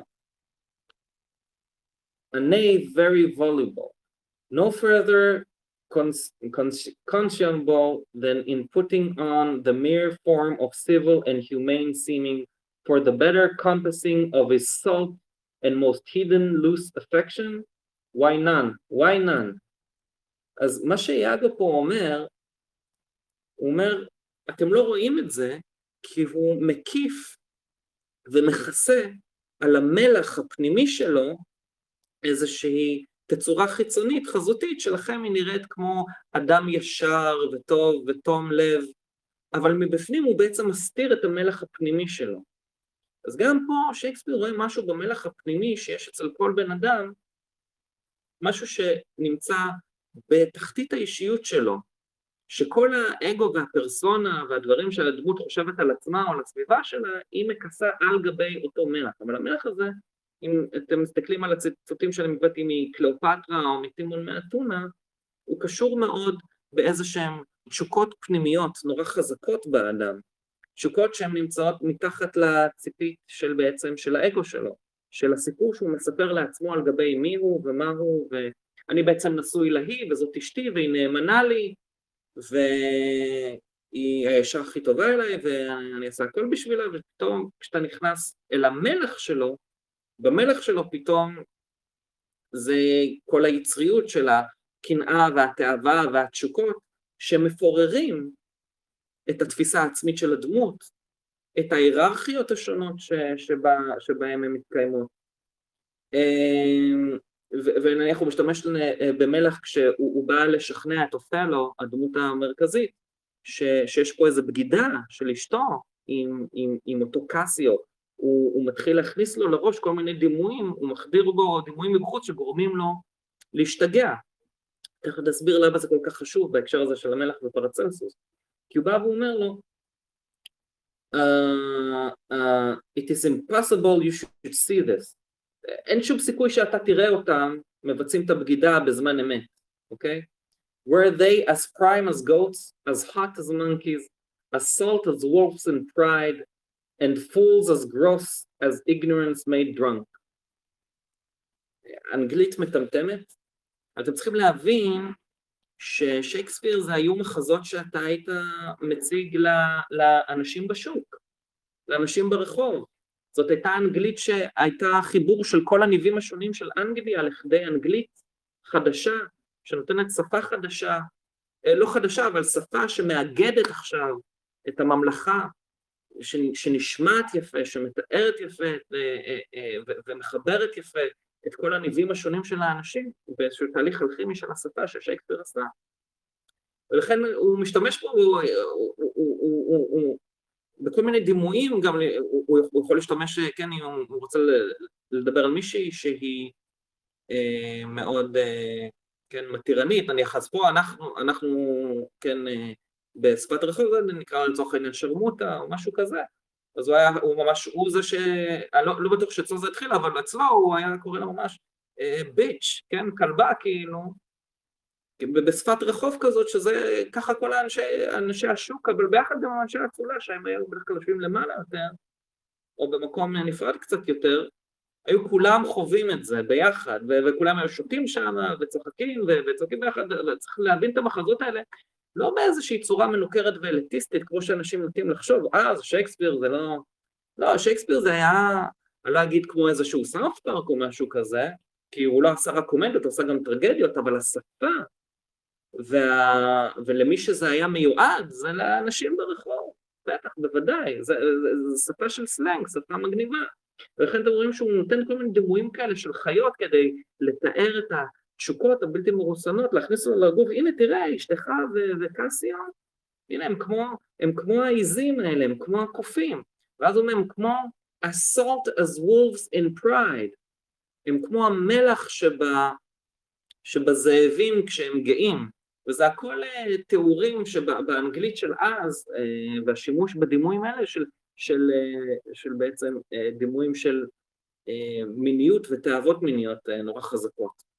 ו- ולכן גם זה קשור בעניין הזה של איך שפרצלסוס תפס את המלח כדבר שעלול להדביק אותך אה, מסוכנים וגורמים חיצוניים שהופכים למחלה, כי אז אתם, אפשר לקשר את זה מאוד למחלות מין, שבאמת הם היו הדבר הישיר ביותר כדי להבין את התיאוריה הזאת של פרצלסוס באותה תקופה, אוקיי?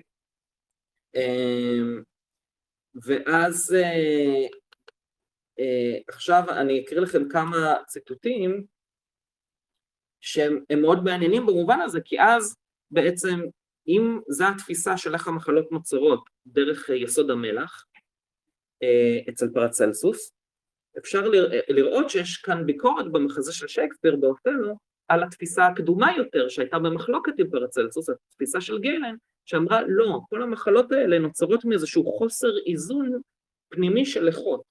וזה, אני חושב שזה, אגב אני אגיד שזה מאוד דומה בעיניי להבדל בין הפסיכיאטריה המערבית לבין הטיפולים של הקורנדרוז, מה שהם ידוע, ידוע יותר כשמאנים, שאני הייתי אצלם בדרום אמריקה, לגבי מחלות נפש, שהרי הפסיכיאטרים יגידו זה הכל כתוצאה אה, של חוסר איזון כימיקלי פנימי במוח של האנשים ואני חושב שיש מקרים שכנראה זה באמת ככה, הגיוני שיהיו אנשים שאין להם איזשהו חוסר איזון כימי שמשגע אותם בצורה כזאת אבל הרבה מהדברים האלה אולי, אולי אני מציע יותר קרובים ברוחם למה ש...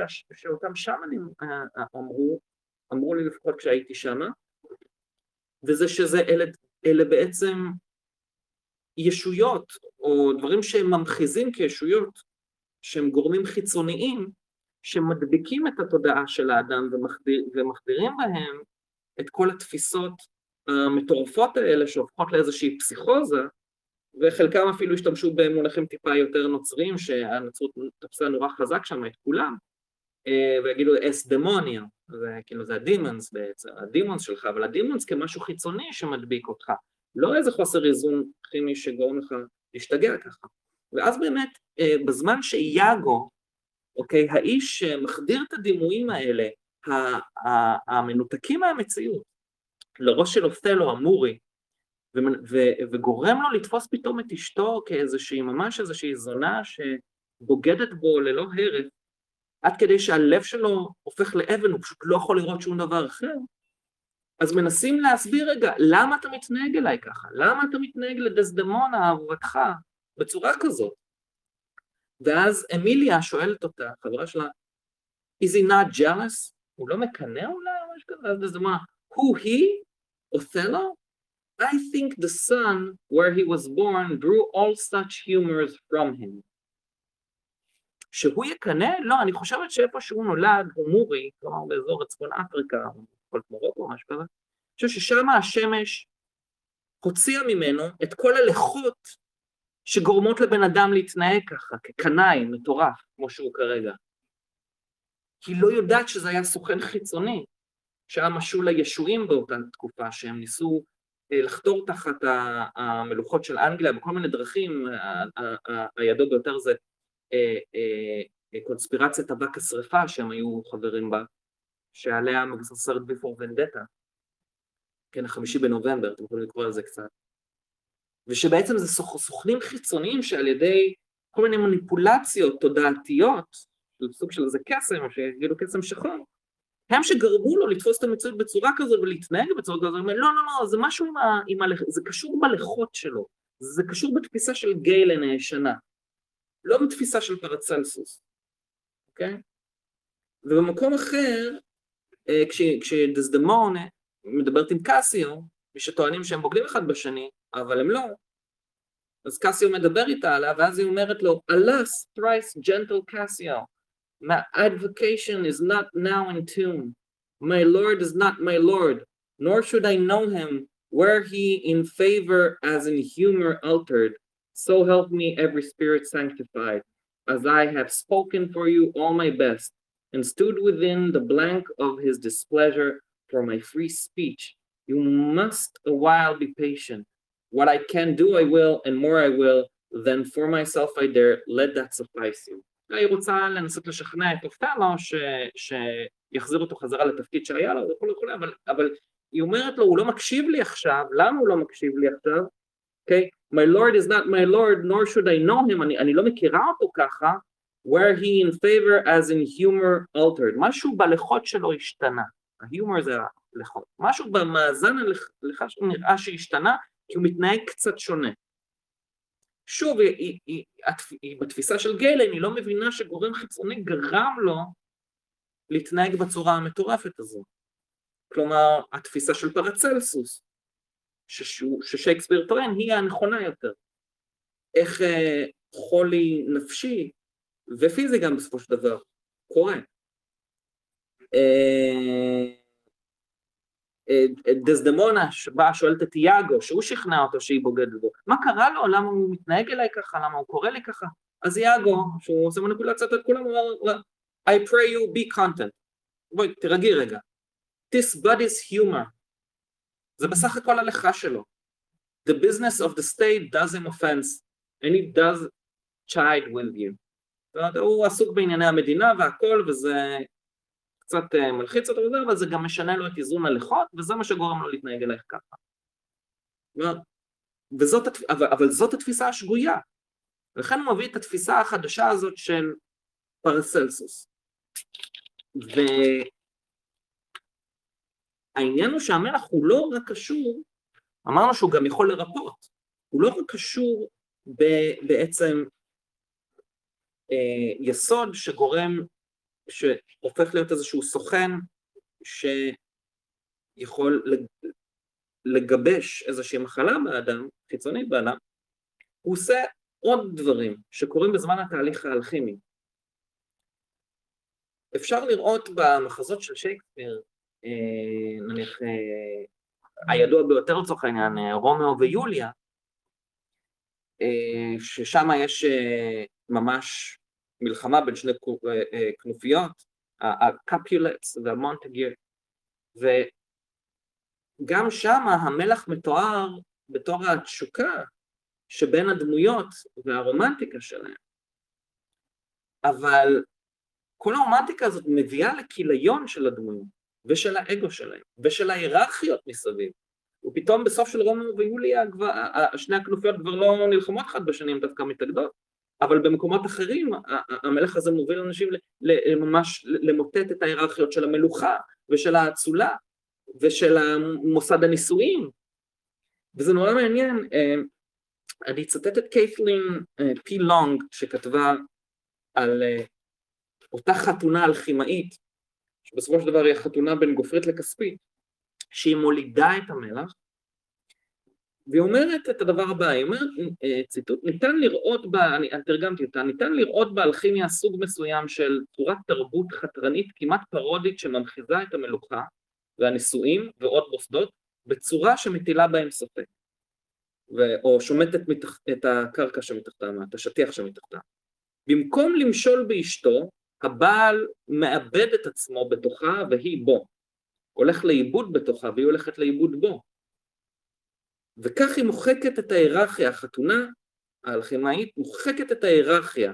שלב ה conjunction, שלב החיבור בין גופרית לכספית שבו מגיעים למלח, שלב ה conjunction, מגיעים לאבן החכמים, מת, אה, מתממש, אה, וזה בעצם שלב שאפשר לכנות אותו החיבור או הזיווג אפילו, הזיווג שבין הספירות, כן, כי הם ראו דבר, את הדברים מקבילים בעצם לעולם הזוהר והקבלה. ואמרתי לכם אז, מה מיוחד ברוזיקרושנס? מה בעצם מיוחד באופן שבו אה, האלכימיה התבטאה באירופה?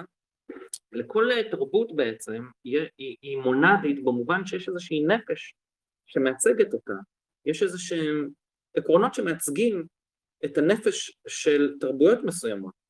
אז אה, נתתי כל מיני אה, אה, דוגמאות על כל מיני אה, תרבויות שונות, שלמשל אצל, אצל היוונים זה יותר הסימטריה והיופי והגיאומטריה, אה, אה, אה, ולכן האידאות שלהם הן אידאות סטטיות, תבוניות מאוד.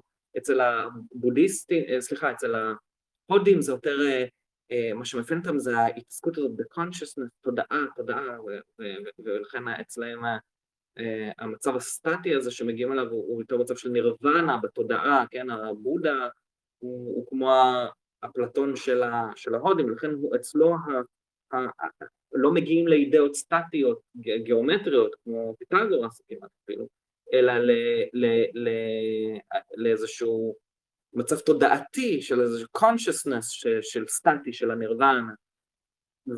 ואירופה, אוקיי, אה, המאפיין הוא יותר האהבה הרומנטית.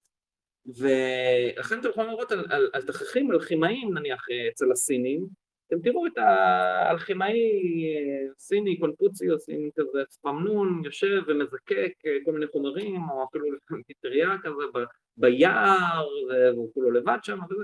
אצל המוסלמים זה יותר נכנס כבר למעבדה, דרך הג'ביר וזה. בעולם האירופאי, האלכימיה מיוצגת על ידי סמלים של אהבה רומנטית.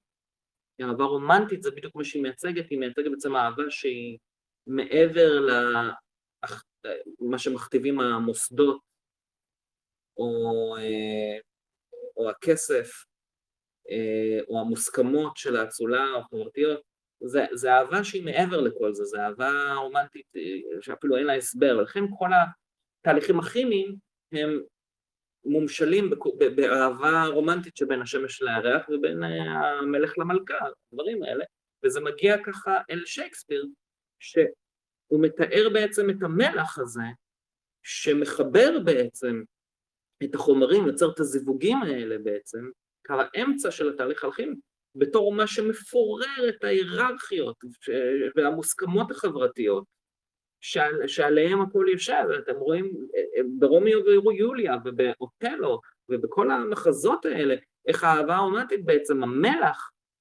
הוא זה שמפרק את כל אותם היררכיות, את כל אותם מוסדות. הוא זה ששורד אותם בזמן שהכל נשרף ויורד אל התוהו ובוהו, אל החומר הראשוני, ומה שנשאר בסוף זה המלח הזה שהוא ממוטט את כל ההיררכיות האלה. זה בעצם איך ששייקספיר רואה את המלח של האלכימאים.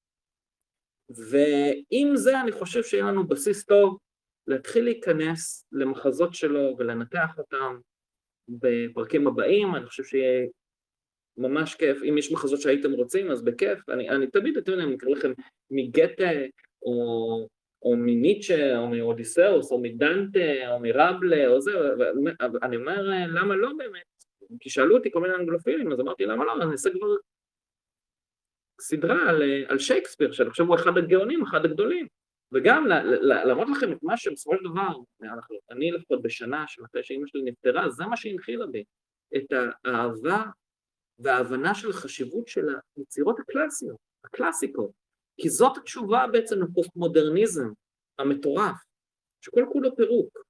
הפוסט מודרניזם משמאל ומימין אגב, שאמרתי את זה לא מזמן, משמאל זה פוסט, מודרניזם של אה, מישל פוקו ודרידה ואחרים, אבל מימין זה גם כן, זה אנשים שלא יכולים לראות משהו, יצירה קלאסית, בלי להגיד אה זה שייך לכת השטן ולאנשים ששולטים אנדרנוכום, ולכן אה, אה, משייקספיר ועד לא יודע מי, כל האומנים האלה אין מה ללמוד אותם כי הם היו עסוקים בכת השטן של הבונים החופשיים או משהו כזה ולכן אין מה ללמוד את זה והשמאל יגיד לכם לא, אה, אסור ללמוד את זה כי הם חלק מהפטריארכיה ששימרה את מוסד המלוכה ולא זה.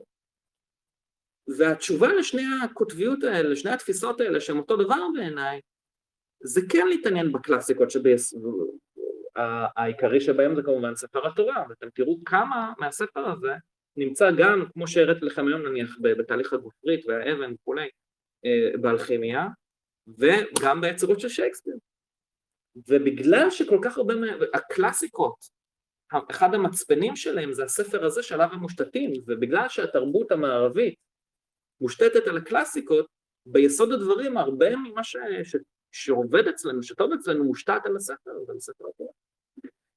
אה, אז זה המלח של האלכימאים, זה המלח של האלכימאים על פי שייקספיר, ואני חושב שזו תובנה מאוד מאוד מעניינת.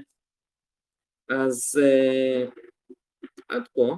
עכשיו אני מתפנה אליכם, אם יש לכם אה, שאלות, עניינים, דברים, בואו נראה, דאגות. 12-7, אשמח אם נתעמק במיוחד במקבף, אז, אז מקבף זה יהיה הספר הבא, הנה. אמרת מקבף? אני מבטיח לך ששידור הבא אנחנו נעשה את מקבף, בסדר? למדתי אותו לעומק כשהייתי צעיר והייתי שמח לראות את הזווית ההרמטית הקולטית. חד משמעית, חד משמעית. אה, זה ספר מדהים, תראה, בתור, בתור התחלה, אתה יודע, אז מקבף, אני אתן אז הקדמה כבר לשידור הבא שאתה מדבר על מקבף, מקבף מתאר לנו מצב שהוא מאוד דומה למה שעובר רסקולניקוב בספר החטא ועונשו של דוסטויבסקי. בעצם כשאתה, מה החטא ומה עונשו, ואיך אתה מצדיק לעצמך את החטא הזה, או הניסיון שלך להתעלם מזה שאתה עשית משהו לא בסדר.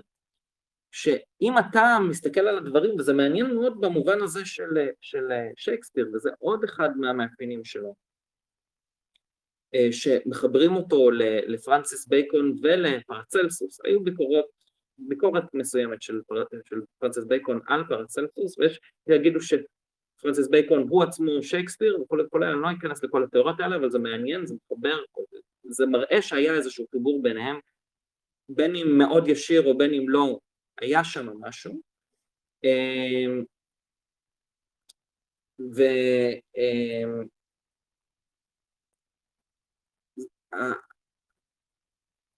והעניין הזה שהתבונה היא חשובה, אבל היא לא דבר כשלעצמו. יאגו במחזור אופטלו יכול להצדיק כל דבר שהוא עושה על ידי התבונה. ולא רק זה, הוא לא מרגיש מחובר רגשית למעשים שהוא עושה, הוא סוג של אספרגר אוטיסטי כזה, כי הוא מסוגל להיות תבוני לגמרי, אבל כשאתה תבוני לגמרי הוא מראה שזה כר פורה בעצם לכניסה של כל אותם שדים ורעיונות חיצוניים להדביק אותך במחלות מסוימות, מחלות, מחלות נפש מסוימות. ואצל אצל, אצל uh, מקבף הוא ממש מנסה להגיע למצב שהוא מסוגל לעשות מעשים מבלי שהוא מרגיש שמשהו עוצר אותו. כשאצל, אצל, בחטא ועונשו, אה, רסקולניקוב מנסה להביא את עצמו דווקא ההפך, כן להרגיש משהו, שהוא עושה משהו כי הוא, כי הוא, הוא רואה שהוא מסוגל לה, להצדיק כל דבר, אם הוא הולך על ה, להבין דברים בצורה תבונית לגמרי, הוא יכול גם רצח כעיקרון, למצוא כל מיני הסברים למה זה קרה. ואז יש את ההתמודדות של הפרוטגוניסט בעצם, של, ה, של הדמות המרכזית ב, ב, בכל אה, ספר, בספר שם ובמחזה פה, עם בעצם הדם על הידיים שלו, איך הוא מתמודד איתו. יש לך פה הרבה מאוד אלמנטים אלכימאיים שאנחנו ניגע בהם ואנחנו נדבר עליהם. אה, אה, ברק, דיברת על תרבויות, אז פרק, אה, פרק הבא אנחנו הולכים לנתח את מקבט, חד משמעית. זה מאוד מאוד מעניין, אני מאוד ממליץ לכם, אני, אני כל כך אוהב את שייקספיר, לא יצא לי לדבר עליו כל כך הרבה, אבל אמרתי, אם כבר אני אעשה את זה, אז אני אעשה סדרה על, על כמה מה, מהמחזות שלו, אז ביקשתם את מקבט הבא, אז הבא יהיה מקבט. אחרי מקבט נעשה אותלו שכבר התחלתי לדבר עליו הפעם, ומשם אפשר להמשיך הלאה לרומאו ויוליה, או King Lear, אה, יש, יש המון, אה, ג'וליה סיזר, מה שתרצו. אה, דיברת על התרבויות השונות, ההודים, אירופה, מה אצל התרבות היהודית, החוק והמשפט? חד משמעית. חד משמעית, חוק והמשפט זה אחד המאפיינים. אתה יכול לראות את זה בקונטרסט בעצם, בניגוד לתרבות המצרית, אצל המצרים האלים היו מאוד מאוד מוגדרים, היה להם צורה מאוד מאוד ברורה איך הם נראים, איך הם מתנהגים, מה עושים איתם, אבל לא היה להם חוק, לא היה להם קודקס חוקים. לא היה כזה דבר. אם כבר היה איזה משפט והיו מביאים שני אנשים למשפט, אז היה מגיע אחד הכהנים או משהו כזה, והוא היה שופט לפי ההיגיון הבריא שלו לצורך העניין, אבל לא היה לו סט של חוקים, אם ההוא עשה ככה, אז ככה, אז העונש שלו ככה, ברור ומוסכם לכולם, הוא היה שופט לפי התמונה שלו, כן? אצל היהודים הם הביאו את זה שזה חוק, וזה גם לא לפי חוקי חמורבי, שזה חוקים ששומרים על האריסטוקרטיה, או תקפים, הרבה מהם תקפים הרבה יותר להם, אלא חוק לכולם, חוק במשפט, וששומרים עליו גם בצורה נורא אדוקה, אפילו אריסטו תיאר את היהודים בכבוד שלהם לחוק, ויש בזה הרבה הרבה הרבה חוכמה, זה לא דבר יבש וטיפשי אה, כמו שמנסים להציג את זה, אה, ודיברנו על זה הרבה גם בפרשות שבוע, ש... אני מעריך שראיתם את ההודעה לגבי הפורמט החדש שהיה, אה, הרב הנסתר ביקש שנמשיך ככה, אה, אז זה בהחלט אחד המאפיינים, חד משמעית, חד משמעית. אה, יש אפילו מישהו שאמר פעם, היהדות זה דת של עורכי דין, משהו כזה, כן. אפרלט, מה ניסו להשיג האלכימאים, חיי נצח או משהו מעבר? קודם כל כן היה בתוך האלכימיה יסוד שהוא באמת פרקטי, של באמת יצירת אה, מתכות וחומרים ו... ו, ו אה, למשל אה, ככה גילו את הזרחן תוך כדי כל מיני ניסויים אלכימיים התחילו לזקק את השתן עד שפתאום הגיעו לזרחן פתאום מצאו משהו נורא זוהר אמרו וואו מצאנו איזושהי אבן אבל כאילו אבן החכמים היא, היא, היא אולי מתאימה לכל תהליך בפני עצמו. מה אבן החכמים של תהליך מסוים שאתה מוצא? מה התמצית שלו? התמצית העיקר שלו. אבל זה גם תהליך אה, אה, פסיכוס, אפילו פסיכוסומטי ו- ורליגיוזי שקורה באדם תוך כדי התהליך שהוא משקף את התהליך ש- שהוא רואה בתוך הכימיה עצמה. אה, אז אה, יונג טען שזה בעיקר העניין הרוחני, יש אה, כאלה שטוענים שזה בעיקר הקודים לתאר את העניין הפרקטי, אני אומר שזה גם וגם ושלא ניתן להפריד אחד מהשני, כי בתפיסת העולם שלהם הכל היה קשור זה בזה. אה, ברק, לדעתי את הדרך לשלווה הנצחית כמו גן עדן לפני הגירוש, זיכוך של, כמו שאתה מזכך מתכות, זיכוך של התודעה. זה תהליך פסיכולוגי גם, שאני מעריך שדומה לזיכוך שאנשים עוברים פסיכולוגית, במיוחד אנשים שעברו פוסט טראומה והצליחו דרך פחות, זאת אומרת יש גם כלים התנהגותיים שמאוד עוזרים, אבל כלים שהם פסיכואנליזה שהם שמבין, הם, הם צוללים פנימה ומוצאים ומשחזרים בזיכרון את המקורות של אותם לחצים שהם חווים ביום יום וזה מזכך להם את החוויה הממש הגופנית של היום יום אחר כך. אוקיי? Okay. אז זהו, אני רואה שאין יותר שאלות.